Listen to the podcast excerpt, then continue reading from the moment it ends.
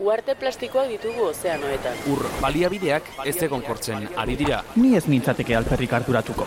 Fenomeno aislatuak dira. Bizioiturak eta herri egiturak aipatu izan dizkidate, zerikusirik balute bezala. Erleak kontserbatzeaz ere hitz egin didate. Baita ariztiak zaintziaz edo ezeguneak babestiaz ere. Eta ni, Nork babesten hauni. Mikroplastikoak elikadura katean sartu zaizkigu. Ez ez da perfektua. Bioanistasuna galtzeak atzera bueltarik gabeko ondorioak izan ditzake. Lasaitu zaitez, ez da inbesterako izango.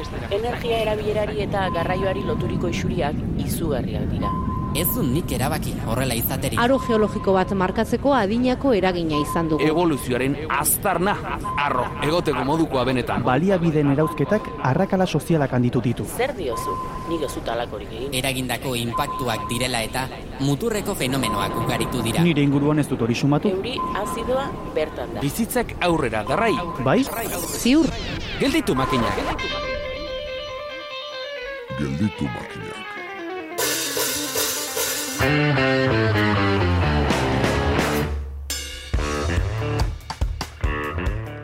Berrerabilpena, birtziklatzea, ekonomia zirkularra, bizi zikloaren analisia, gure iztegian sartzeaz gain, gure muin gain eta produktuen etiketetan gero eta ohikoagoak diren kontzeptuak dira. Badu zentzurik, kontuei amaika buelta emanda egiten baitugu batzuetan aurrera. Beste batzuetan bitan pentsatu gabe zuzenean eta baita asmatu ere. Ekonomikoki auskalo, baina beste arlo guztietan baietz asmatu maider iturrondo beitia gurera ekarriz. Material eta lehen gaien aztarna aztertuko dugu berarekin.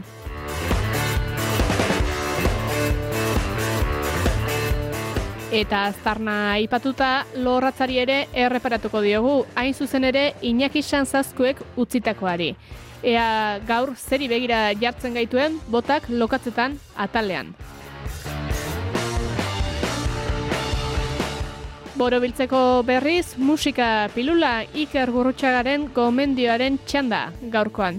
Gelditu makinak saioak hirugarren denboraldiko amairugarren atala du, eta superstiziosoak ez garen ez, has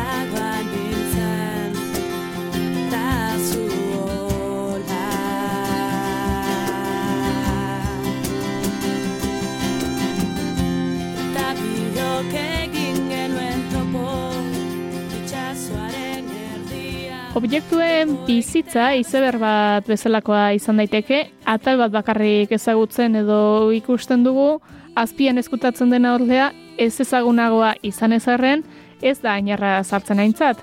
Horrela, lehen gaien eta materialen aztarna zausnartzera gonbidatu dugu, Maider Iturrondo beitea, materialen zientzia eta teknologiako doktorea, eta bizizikloaren analisia metodoak lantzen dituena Euskal Herriko Unibertsitatean. Ongi etorri, Maider. Aixo, Eli, eskerrik asko gomida zerren. Bai, zuri baietza emateagatik. Aipatu bezala, lengai eta materialen aztarnen inguruan ibiliko gara, eta esan bezala ez dago aztarna bakarra, beraz, zein dira halako elementuak izan ohi dituzten aztarna nagusiak?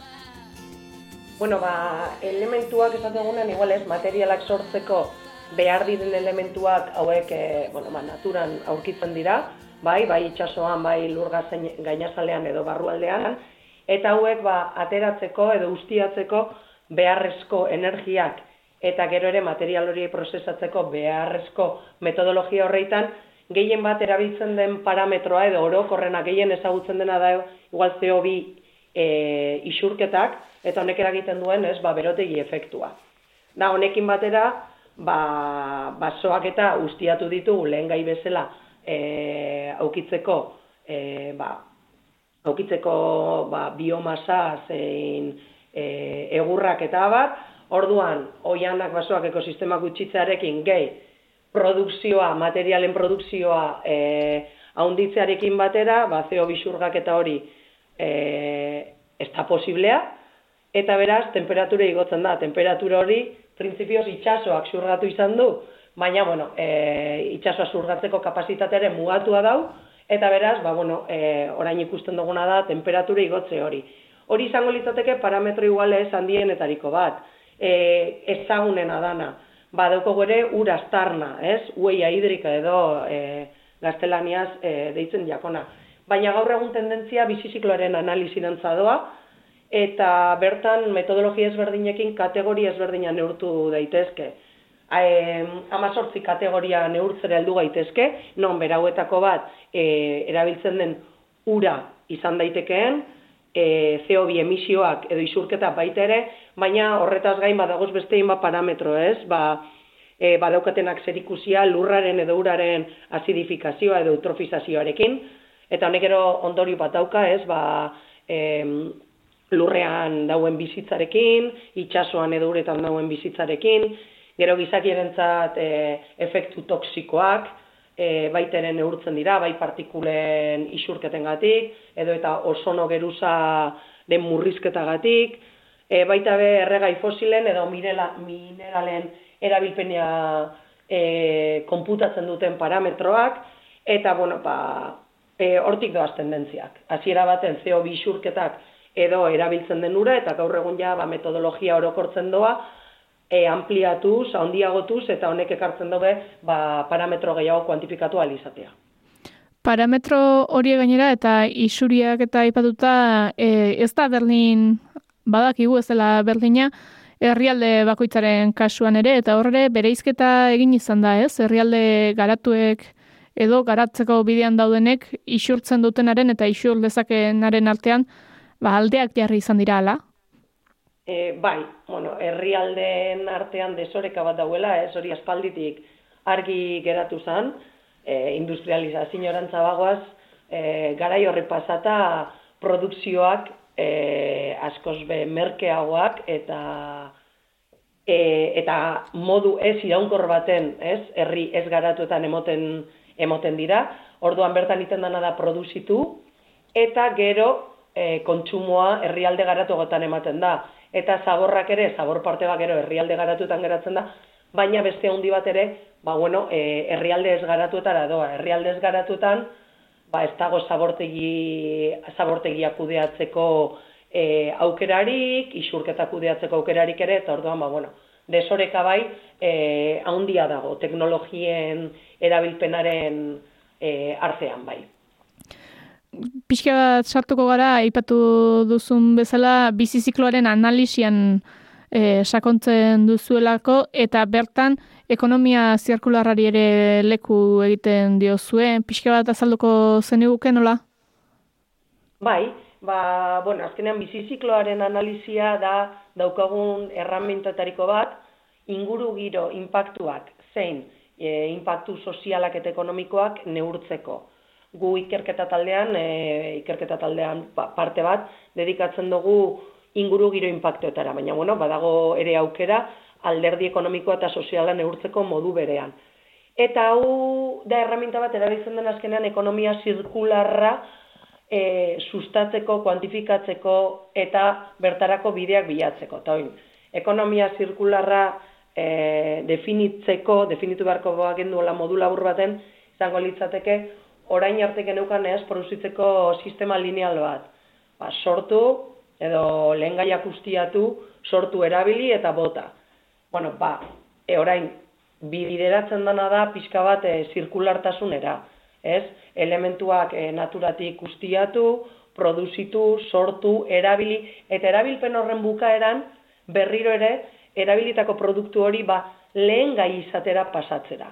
Bai, beraz, bueno, ba, material guztiek ez e, zirkularki e, bide bat izan dezatela. Eta hori litzateke gutxi gora bera, ba, hola noinarria, errez, esan da. Eta hori nola bideratu, nola kuantifikatu, ba, bizizikloaren analizia da erabiltzen da metodologia bat e, horretarako. Eta zein izango lirake hori albidetzeko moduak edo zein izango lirake gako garrantzitsuenak? Ekonomia zirkularrerako, Bai, dinozu, ba, bueno, bagako nagusienetariko bat lehengo ez, ustiapenetik hasten garenez, ba, ikustea ze elementu erabiltzen ditugun, ez? E, e, e, lehen gai bezala. Orduan, e, erabili beharrekoak, izen beharko lirateke, e, konpromesuan jarri gabe elementu horiek eh, naturati bukatuko direla. Beste aukera bat ere badaukagu, ba, berrerabilitako elementuak erabiltzea.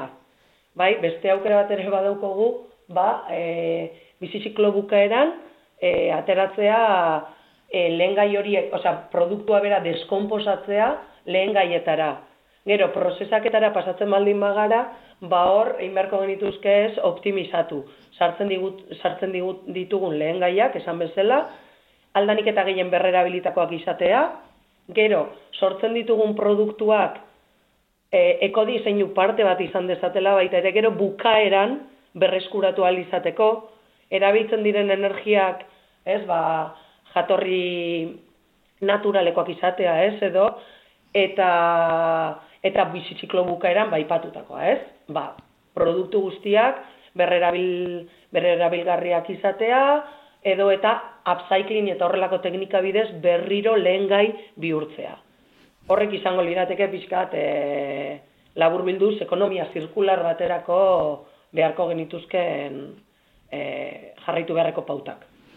ekonomia zirkularra gero e, bueno, e, praktikara eraman dadin edo, baditu le, leku guztietan bezala, baina batzuk agertzen dira, eta eta egin daiteke ekonomia zirkularra importazioekiko mendekotasuna izan da, alegia gaur gaurkoz, e, kanpotik ere edo beste herrialde batzuetatik ekarretako materialen mende bizi gara, beraz nola egin ziklo itxi bat, ziklo bat e, behin eta berriz birarazi daitekeena, baina importazioak balin badaude tartean.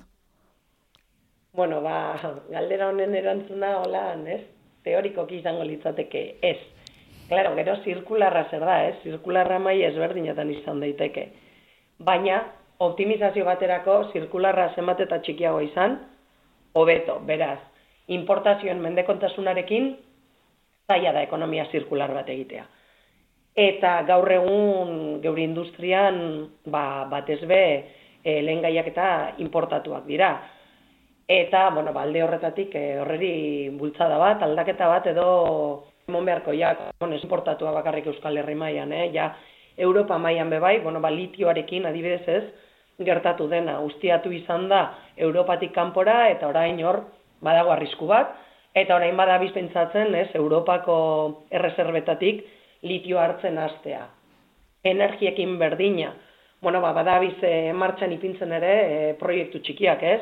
Araban esaterako, herrialdeak edo baiarak, ba, euren plaka fotovoltaikoekin e, beraientzako energia sortzeko, e, janariari ez, e, janaria, e, janari eta janari kontsumoan arloan bebai, lan asko egiten dabil jendea, ba, bertoko kontsumo, kontsumoa sustatzeko, beraz, ba, hori, ba, ekonomia zirkularra lortzeko, ondo-ondo lortzeko, e, ezin dugu haukin importazioekiko menpekotasun bat. Eta bada beste puntu bat ere aipatzen dena, eta bueno, agian ekonomia zirkularrean zuk zer horrek aipatu duzu ekodiseinua ere eskatzen dela, ez? Ba, materiala sortu aurretik, ba, gerora izan dezaken erabilera edo bere e, desarmerako metodo bat aurrez pentsa duta izatea, eta badaude beste beldako batzuk ere, ba, produktuen sorrera aldatzea erabatez, eta hori izan liteke, ba, plastikoa aipatzen da gaur gaurkoz bueno, ez dugu geroz eta fama eskasagoa dauka, eta badaude hau ordezkatzeko metodoak eta horiek zeleku dute ekonomia zirkularrean edo horri begiratzen zaio edo? Bai, bai, bai, noski, lehenengo e, partean, ekodiseinua aipatu duzule, ekodiseinua, bueno, ba, e, Euskadiko ekonomia zirkularreko e, bederatzi erronkatan, ez, badaukogu, badaukogu bederatzi erronka, eta erronketariko bat diseinuan zentratzen da, ez?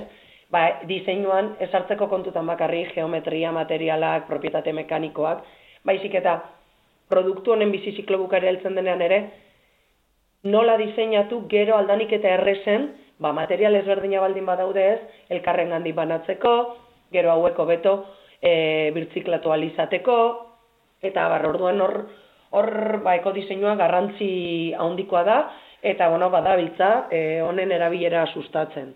Apurka, apurka. Ta gero badukogu bestalde, ba, ba plastikoen kezka, plastiko kutsadurak ez sortzen dauen kezka hau. Plastikoak hasi ziren erabiltzen, ba, no, batez bere, beraien prozesaketan energia kontsumo asko ere txikiagoa delako, e, pisua gutxiago daukatelako, orduan hauek ere garraiatzeko e, errezago garraiatzen direlako, CO2 xuri gutxiago daudelako, eta bar, baino, Hauek e, birziklatzea edo berreskuratzea zailagoa da. Plastiko ezberdin asko daudelako eta ez baditugu ondo ondo sailkatzen ezin direlako kalitate on batzekin edo berreskuratu. Honez gainere birziklatzeak propietaten galera dakar. Bai, orduan, bueno, hor badaude zailtasun batzuk eta heldu gara puntu honetara non ba, plastiko kutsadura bat ez behitxasoan e, ba, arazo larri bilakatu dena. Orduan, plastikoa ordezkatzeko badaude metodo ezberdinak eta hori kerketa taldean lantzen ditugu. E, ordezkatu daiteken puntuetan, ba, bueno, papera edo eta eunengatik ordezka, ordezkatu, ordezkatzea, posible denetan, ba, noski, hori izan beharko litzateke, ez? E, bidea. Gero, adibidez, baldimagoaz automoziora edo energia sistemetara, ba, plastiko asko erabiltzen da, teknikoki hobea delako, eta pisu gutxiago daukolako metala baino, eta bueno, honek onurak ekartzen ditu. Kasu hauetan, ezingo geunke, ez, e, beste edo zergatik aldatu, baina bai indagik eguna da, eko diseinua, ez, aurretik aipatutako guztia sartu, biziziklo bukaeran, e, berreskurak eta hori errezteko. Beste aukera bat ere litzateke, e, biopolimeroak edo biodegradagarria diren plastikoak erabiltzea. Non biziziklo bukaeran, berriro ere konpostatuko diren biodegradatu, bai? Eta, bueno, ba, aukingo duguna da, ziklo itxi bat, ziklo zirkular bat. Edo eta dauden aukeretan, adibidez, guk landu izan dugu e, itxasuan inguruko proiektu bat, ez, ba, sareak. Bueno, ba, sarea plastikozkoak izan behar dira, ez, propietaten gati, pisuatik eta ba, ba, gero bai landu izan dugu, pla, e, sare hauek, batzeko esfortzu egiten baldin baditugu, egin genezakela produktu horiek berreskuratu, eta erabili, bai, ba, adibidez, e, beste produktu batzuk sortzeko. Kasu hauetan izan ziren e, arrainak markatzeko edo eta sarea konpotzeko e, etiketak eto, edo eta horratzak sortzeko. Eta inguru giro asko gutxitzen ziren. Zare hauek batuta berrerabilita eta ez polimero edo plastiko berriak erabilita. Orduen, ba, bueno, hor beti dau balantze bat eta ikerketa asko dago honen atzetik. Hmm. Ikerketa aipatuta, e, galdetu nahi nizun, ea nola lantzen diren gai hauek, e, etxeko transmisioaz gain, ezkuntza formalean nola txertatzen dira alako gaiak? Bueno, nolako gaiak, egi esan, e, karreretan, edo gaur egun graduetan, e, ba, lehenengo bigarren, irugarren, laugarren mailan, zaiago izan da oin arte, master mailan, asko zere errezago txertatzen dira, e, Euskal Herriko Unibertsitatean adibidez, bueno, ba, badaukaguz deialdi, hainbat deialdi, inguru giroarekin e, lotutako proiektuak eskatzeko, betiari dira proiektuak ikasleek, gradu bukaerako lanak, edo eta master bukaerako lanak egiteko. Eta, bueno, ba, hor badago lan bat, diru bat sartzen da, irakasleok formatu egiten ditugu, azaldu egiten dut zeguz gauzak ikaslei, eta beraiek guzti hau praktikan ipintzen dute, gure kasuan, ingenieritza mailan. Honez gain, gero, bueno, adaukagu ere ekonomia zirkularreko masterra, eta bertan irakasleak gara, e, industriari aplikatuta, eta gero, graduetako lehen maietan eta e, Euskal Herriko Unibertsitatea baduko ba, IKD iru izeneko plataforma bat, eta bertan ere ikerketa proiektuak, baina dosentziara bider, bideratutako ikerketa proiektuak egiten dira, materiala berriztatzeko, praktikak gehitzeko, eta e, guzti hauetan ere helburutariko bat da ba, iraunkortasuna e, txertatzea gai guztietan.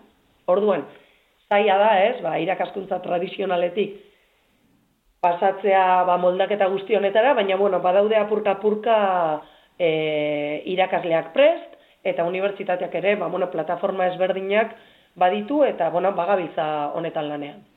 Irakasleak ez zarete trantsizio hori egiten ari zaten bakarrak, e, aipatuko dugu, gero eta ohikoagoa dela, eta gero eta sarituagoa ere bai, produktu berdeak edo jasangarriak izatea, eta noski karro horretan bat baino gehiago igotzen dira.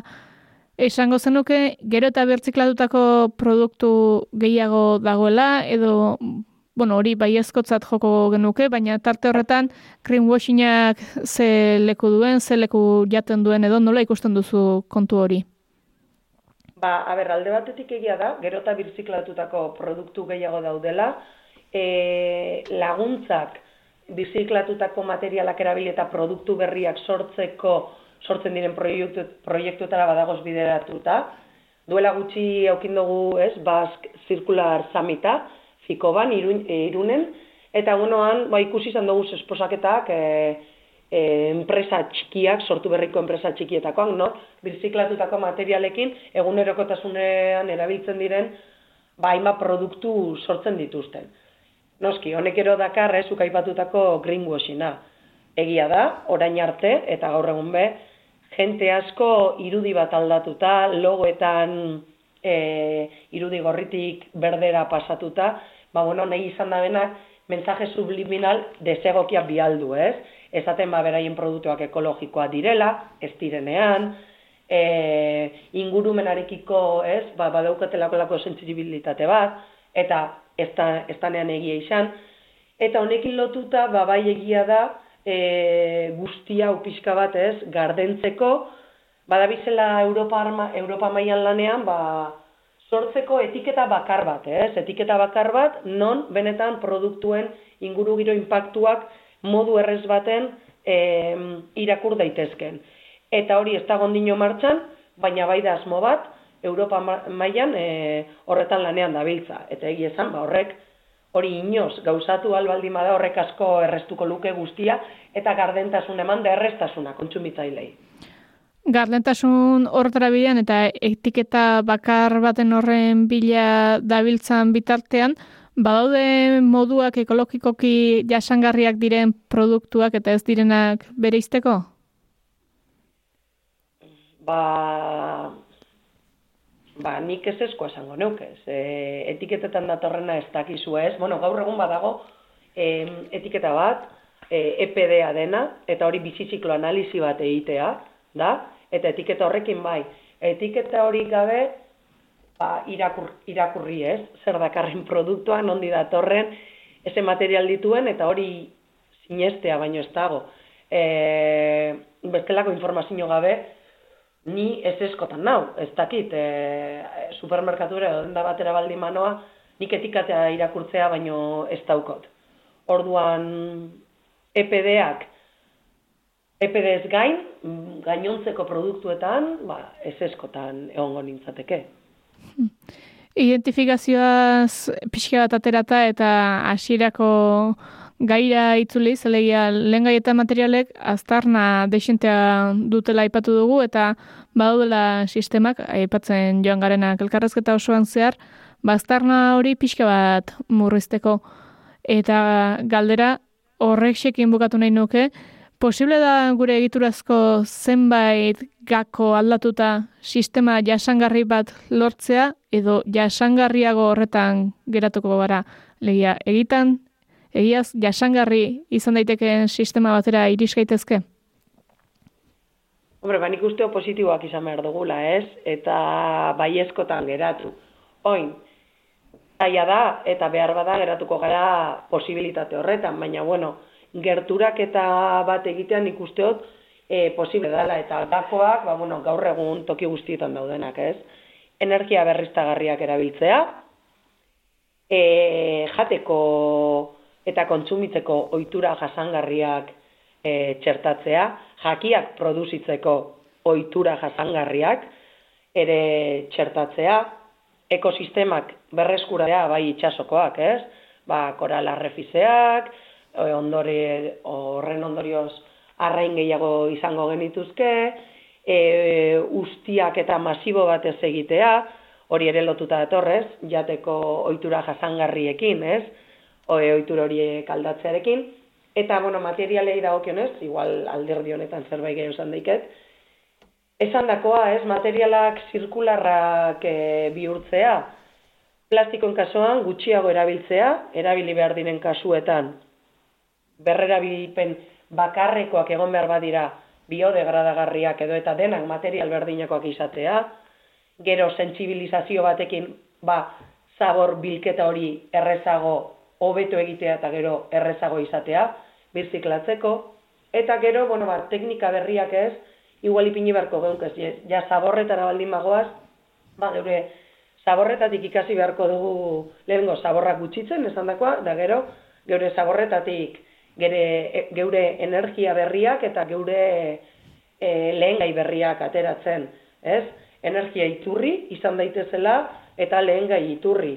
Eta alde honetan, bueno, banik bat ezbe polimeroei buruzko informazioa badaukat, eta polimeroi dagokionez, ba, teknika ezberdinak lantzen dira, ez? Biodegradagarriak, aipatutakoak, baina gero ere badaude upcyclingeko teknika ezberdinak non material hauek suntxitu egiten diren, ez? Eta lortzen ditugu hasierako lehen gaiak, berriro, erabiltzeko, ondoren, or, honek ekarriko leukena izango litzateke naturatik ustiatu beharrean, eh, berauek erabiltzeko aukera. Orduan, ba, bueno, ba, teknologia hauetan indarrapur bat ipini beharko litzateke, implantazioan, eta eta ba, hortik, ez, nik hortik bideratuko neuke espautak. Ba, guk ere bide horiei jarriko diegu harreta, zaborra, bueno, desglosatuz gero, agian ez delako dena zabor. Eskerrik asko maide ritorrondo beitia, aipatuko du, materialen zientzia eta teknologiako doktorea, mila esker gurera kartzeagatik bizizikloaren analisi metodoak eta eta jarraituko dugu hausnarrean. Bale, ba, eskerrik asko heli.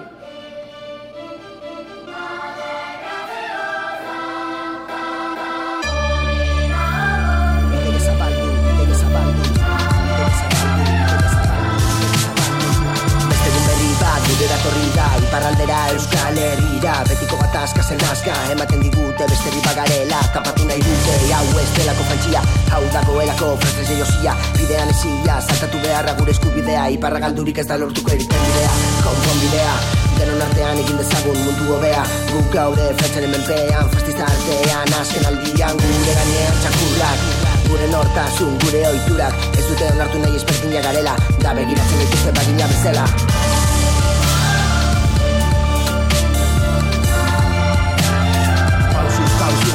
pausu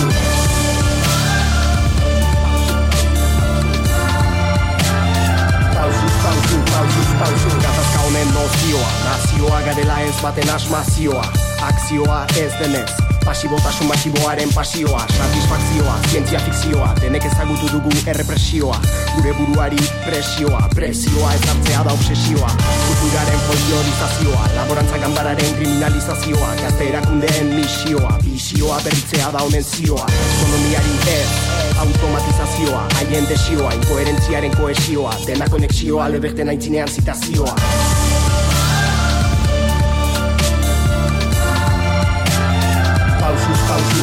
pausu,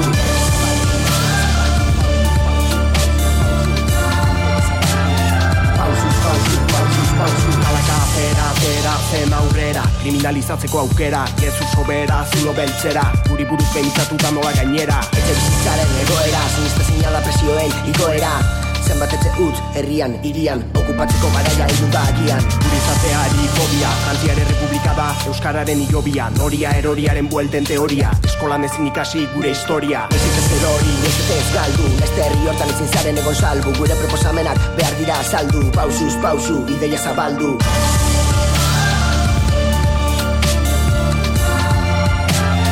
Pausuz, pausu, pausuz, pausu. pausu,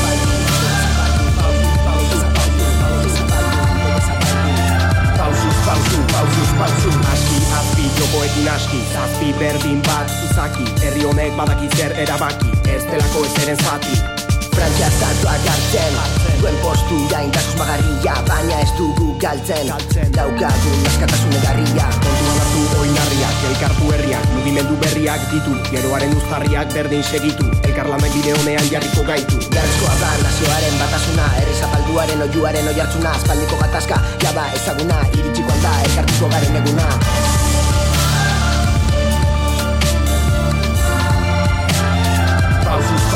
pausu, pausus, pausu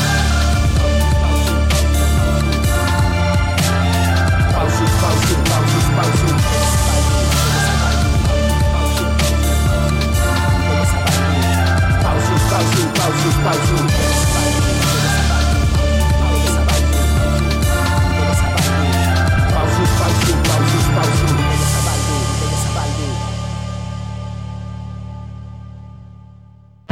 Gelditu makinak, naiz irratian, elipagolarekin. Botak lokatzetan, Iñaki Sanz azkurekin.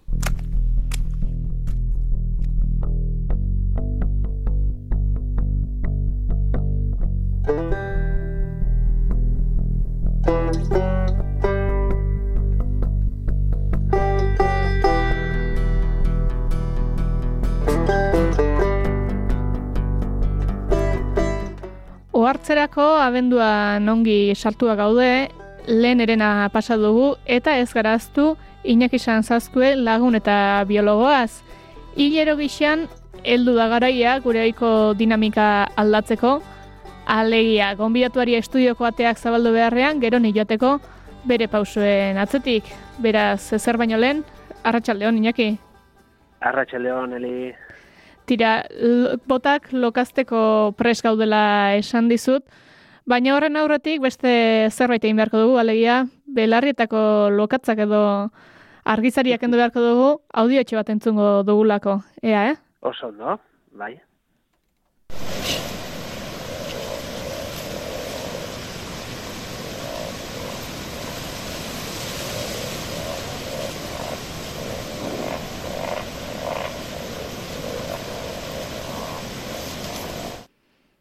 Ez da egite, espero zena zen edo ez, edo zerbait entzun den, edo inakizuk zer entzun duzu hemen. Nik, nik entzun Edo zer entzun zerbait- beharla, edo ez dakit. Hoi zamarri zuen. nik entzun dut zerbait eta ez dakidana da entzuleek zerbait e, sumatuko zuten edo entzungo zuten. Hori okerrezpanago izango litzateke basoiel gorriaren kantua eta putzu batean gaina. E, momentu honetan basoiel gorria ugal garaian sartu da eta gure mendi inguruetako putzuetan kantuan hariko da, baino erne, gainontzekoek egite ez duten bezala, hau putzu barrutik hariko da kantuan. Eta hor eh, sumatu ditugu kantu batzuk, batez ere bi edo hiru nabarmen, ez da, Eli? E, hola, hola entzun dez, behintzat. Nik esango dut, e, aitortu behar dudala, entzun baino lehenago ikusi egin dudala, ze hemen uinetan antzematen zen, noiz, noiz entzuten zen, no, noiz ari zen igelen bat kantari. Hori da, ba, bea, momentu honetan, ja udazken partetik urriaren amabost erditikan aurrera, en, eremu batzuetan hasi gara dagoeneko ikusten basoigelgorriaren arrautzak. Entzulek jakin dezaten basoigelgorriaren arrautzak izaten dira e, garai hauetan ora eguraldiak laguntzen digunean joaten gagara mendira eta pista inguruetako putzu zulo edo putzu txiki horietan topatzen ditugu ba horrelako arrautza poltsa batzuk, ba horiek lirateke basoigelgorriaren arrautzak. Eta udazkenaren parte honetan, urri erditik, azaro ingurutik hasi, eta ba otxaila, martxo ingurura arte topatuko ditugu Euskal Herriko eremu desberdinetan. Iñaki, berezi xamarra bada, esan duzu, udazken negua dela ugal garaia, eta berezi xamarra da, ze arraultza horiek ere haul xamarrak izango dira, eta e, egoera gogorren dagoenean, temperatura aldetik orduan hautatzen du, ugaltzea? Bai, bere estrategia basoiel gorriarena berezia da, izan ere izango genuke dela gure inguruan eh, amfibio bakarra ugaltze, ugaltzen dana hotzak etortzen dienean. E, bere garaian, ba, oan izango duzue, sugandilekin eta barri ibili ginala aipatzen ektotermo hitza, Bai. ektotermok esan aizuna da, kanpoko temperaturaren menpe zeudela e, bizi alizateko, eta kasu honetan amfibio honekin ere gauza bera da. Baino, e, gainontzeko espeziekiko ba, kompetentzia horretan, berak eginduna da evoluzionatu eta udazkenean ugaldu egiten da. Horrela ez dauka kompetentziarik, egia da ere jateko gutxiago duela, baino basotik datorren ez, hortik izena, baso gorria, badagoeneko ondo janda etortzen da, ugal garaira, eta oraintxe bertan bi modu eukiko genituzke ikusteko. Batetik errexena, arrautzak aipatu duguna, ez? Arrautza poltsa bat, horrelako gelatinotxua izango litzateke, e, puntu beltz batzuekin, eta puntu beltz bakoitza izango da etorkizuneko zapaburua izango dena. Eta beste aukera balitzateke helduak ikustea. Helduak ikusteko putzu urmael inguruetan begiratu harko genuke, oso ondo begiratu ere, ze askotan putzuaren sakonean, da ondoan egoten dira, eta besarkatuak ikusiko ditugu batzutan. Emea beko aldean eta arragoiko aldean, alegia ugaltzen. Eta izenagatik ulertu daiteke gorriskak direla? Bai, basoio gorria, eh, gorri, arre kolorekoa da, eh, horrek ere badu arrazoi bat, orain udazken partean baso inguruan gabiltzala, askotan ez ditugu sumatuko, baina begitxoak horre ongo dia erne guri begira, behaiek sumatze gaituztelako guk behaiek baino lehenago ez. Eta gorrizta izate horrek, edo arre kolore horrek egiten duna da, horbel artean eskutatzeko aukera ematen dio. Orduan, ba, sarri, berretxik uzaleek ondo asko ezagutzen dute, e, orbelean barrenagoa zela, baso opean, ba, sumatzen deguna da salto bat. Berak ikusten gaitu, guk ez, ezkutatuta egoten da azken momentura arte orbel artean, baina ikusten dunean, ba, edo gure hanka gainera, edo eskua gainera dijoala, ba, horlako jauzi bat egiten du, eta ez e, jauzi txikia gainera, eh? jauzi handia izaten du baso gorriak. Polita da, animali bat ez dugula sekula ikusiko, baizik eta somatu egingo dugula, ez? E, hor zegoela enteratuko garela, saltu egin duelako, ez? Ikusi bai, dugulako. Hori da, eta nik esango nuke biologo askok, baina, bueno, guke anfibiotan arrastikin lan egiten duguno, kerpetologo kadibidez, en, ba, zentzuben guztiak egutzitugu oso piztuta, ez? Askotan, ikusi baino e, zugandilen kasuan itzalak sumatzen ditugu edo mugimenduak eta kasu honetan ere ba entzune eingo dugu saltoa, ez? Eta nola jauzi horren ondoren horbelak soinu bat egiten du, ez? Orduan basoaren isiltasun e, komila artean jarriko dut horretan ba sumatzen dira horrelako horrelako kontuak, ez?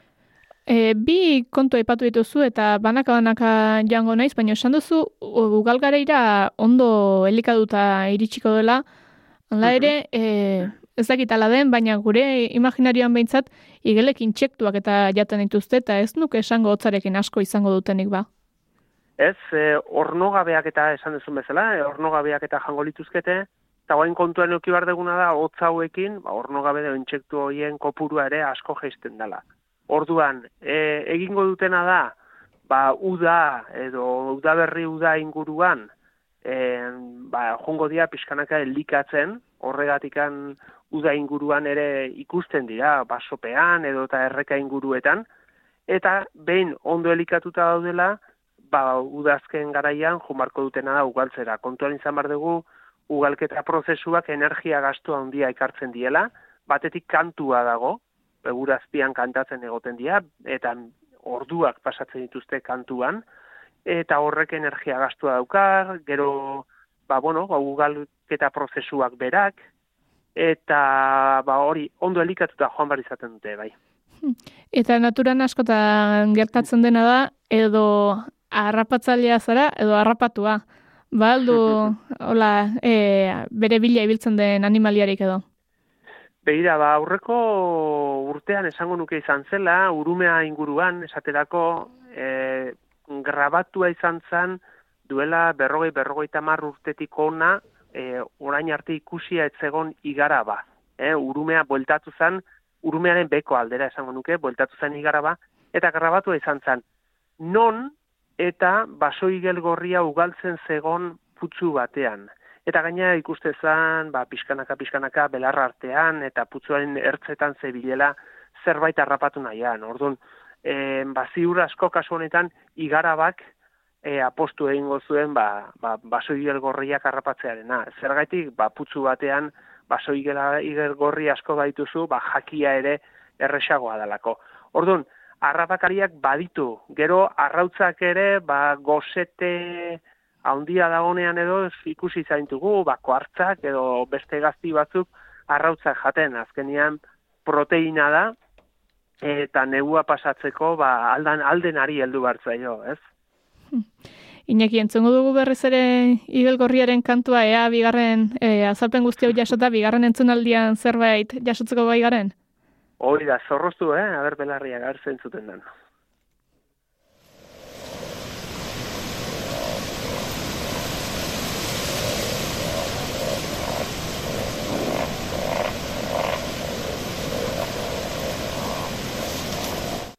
Ba, hortxe, urazpitik kantari igelgorria.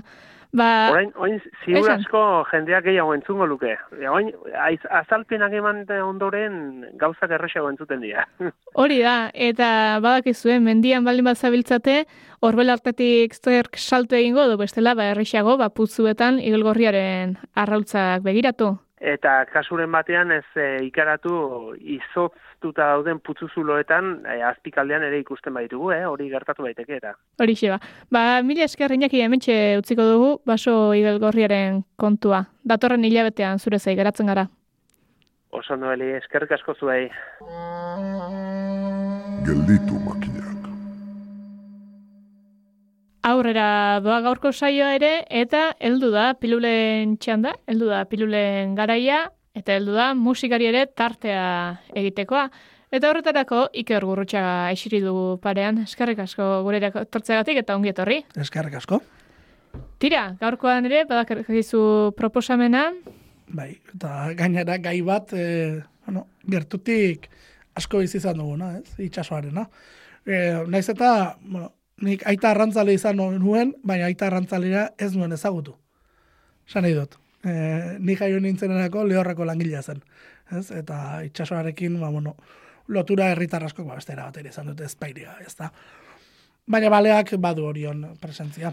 Bai, egia esan inor ez da arretu, aipatu ingo dugu, entzulea ez jakin ibiliko da, eta balea izena daukala, bueno, balea izi, da kantu hau, Eta inorrez dela, arretu horiotar batek balea ekarra izanaz.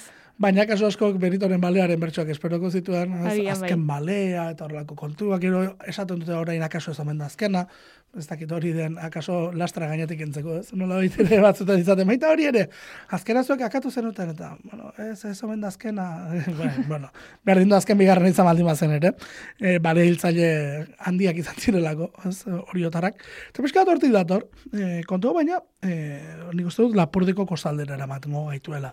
E, letrak, e, izatez, bueno, Jan Batist e, Otxalderen agira, Joanes Otxalde edo eta Otxalde bezalare ezaguna. E, Joanes Otxalde, etxez juri, bere izena bizenak, bidarrain mila zortziron da amalagoan jaioa, lauro gehieta mazazpian ila, eta euskal idazle eta bertxolaria izana. E, bueno, esango dugu gainera, e, Ego Amerikan ere izan zela, Argentina aldean, eta ibilitakoa, eta Baina gero, bestakit, hortik etorriko zen itxasorako grin hori edo, e, bidaia itxaso zein gozuelako, orduan egazkinik, ez, gogoratu behar dugu. E, ez dakit hori zorionez ere esan daiteken gaur egun, ez? Hori, gerora ere ezagutuko da, eh? gazkinik ez dagoen gara iri. Ba, eta berriz ere belauntietan ibiliko garen, ez da? Hori, e, edo, edo ez ibiliko eta kitxo. bueno, izan daiteke beste, edo oinez, nomada, ez? Bueno, hori ere gerta daiteke. Baina itxasoko kontu hori hartzen du, balearen ikuspegitik, ez? E, hitz egiten du, eta Eta, bueno, e, gra, grazia edo, bueno, ba, bertsoak oso boro dira. E, bueno, ba, balea serratzen da, marinela kolpatzen du, marinela erdilde ere usten du. Baina bukeran, esaten du ez, e, bueno, e, ba, eizatu dute. Eta, e, bueno, esur partea, esaten du, olgo esur partea, sos gutirekin saritzat, molsa harin itzultzen da gaztea, ziburuko tabernarat. Alegia, bueno, ba, gira nola bukatzen den historiaz.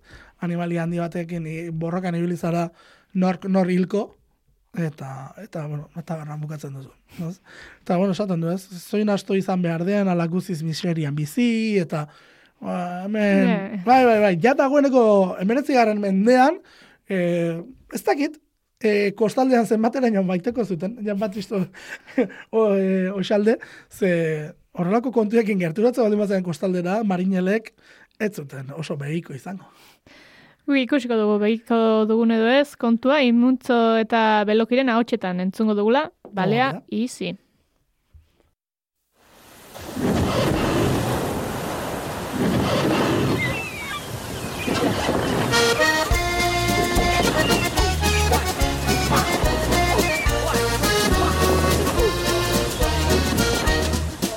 Itxas txoria banintz, iparreko izotz lurretara.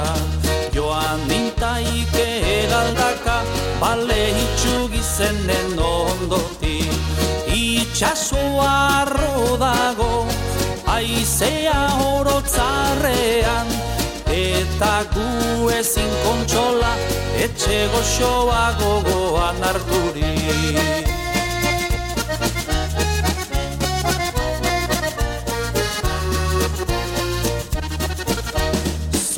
Asto izan behar den Ala guziz miserian bizi. Untzira tira gaiteko Bale bakartiaren niltzaile Sos posika baten gati Zon bat arriskurik ez den. Urruntzia uzkeilirik Bustana serretuak leherturik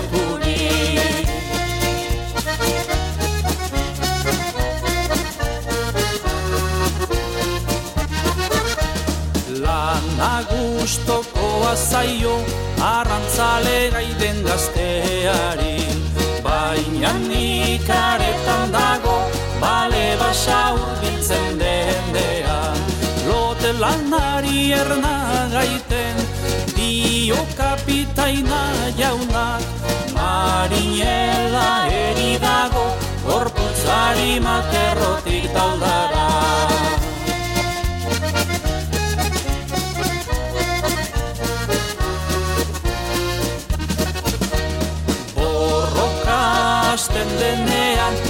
Uain zoroak jauzian gora Aberea zaurituta Odol basa zurrutan dario.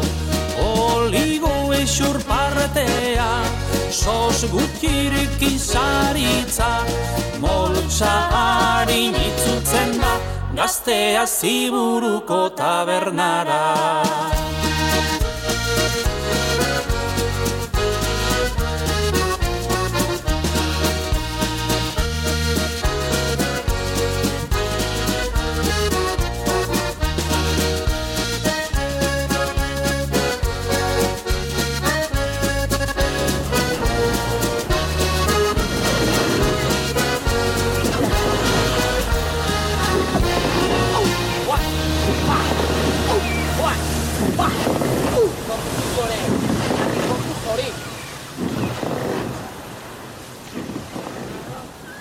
Kantu entzuten nebilen bitartean iker horitu zait, e, lehen ere karri zen bela bertso doinurik gurera. Bai.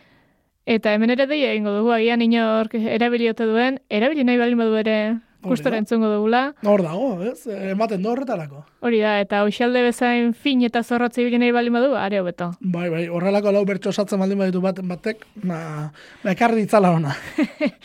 Hori da, osongi iker, eskerrik asko gurean izategatik. Aio. Mumbaiko karriketan abila, begiak ororizo, barneko bake bila. Korputza oso kiunatua, ene pentsamenduen, sutan barneratua. Karrikan ezkereta eskuin, hainbat eskulangile, hain antzetsu eta hain duin eta bat. Artisau langilea, Arras balditu nauen zapeta egilea, zapeta egilea. Eta mairuaren saioa ere, alaxe bukatuko dugu, besterik ez zentzule amalaugarrenean, hemen txe datorren astean, gelitu makinaken egingo dugu topo. Ongi bizi. Haranon, hauen berdin berdinak, dituzta joraiene, aintzinian eginak. Loriaz, gelditu niz begira, Hene zapeta gizon, unek eginako terira zugana Egin dute bidea, munbaiko espaloiko zapeta egilea Zapeta egilea, zapeta egilea zapeta egilea.